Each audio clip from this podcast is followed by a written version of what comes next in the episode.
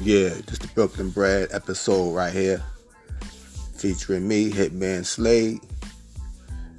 Brooklyn Bread representing BK. check it. This joint right here, we're gonna play the next joint off of it, the um, Brooklyn Bread album and everything. Just heard Biggie Smalls, the Biggie Smalls joint that I did. And um, we're gonna keep it rocking. One.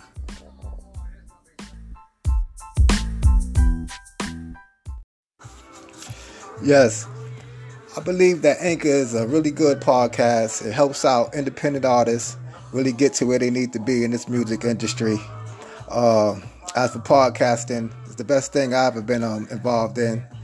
And I believe that anybody just starting out or as a professional should really be engaged in this program uh, with Anchor. It's really beneficial and it really helps out. Slade.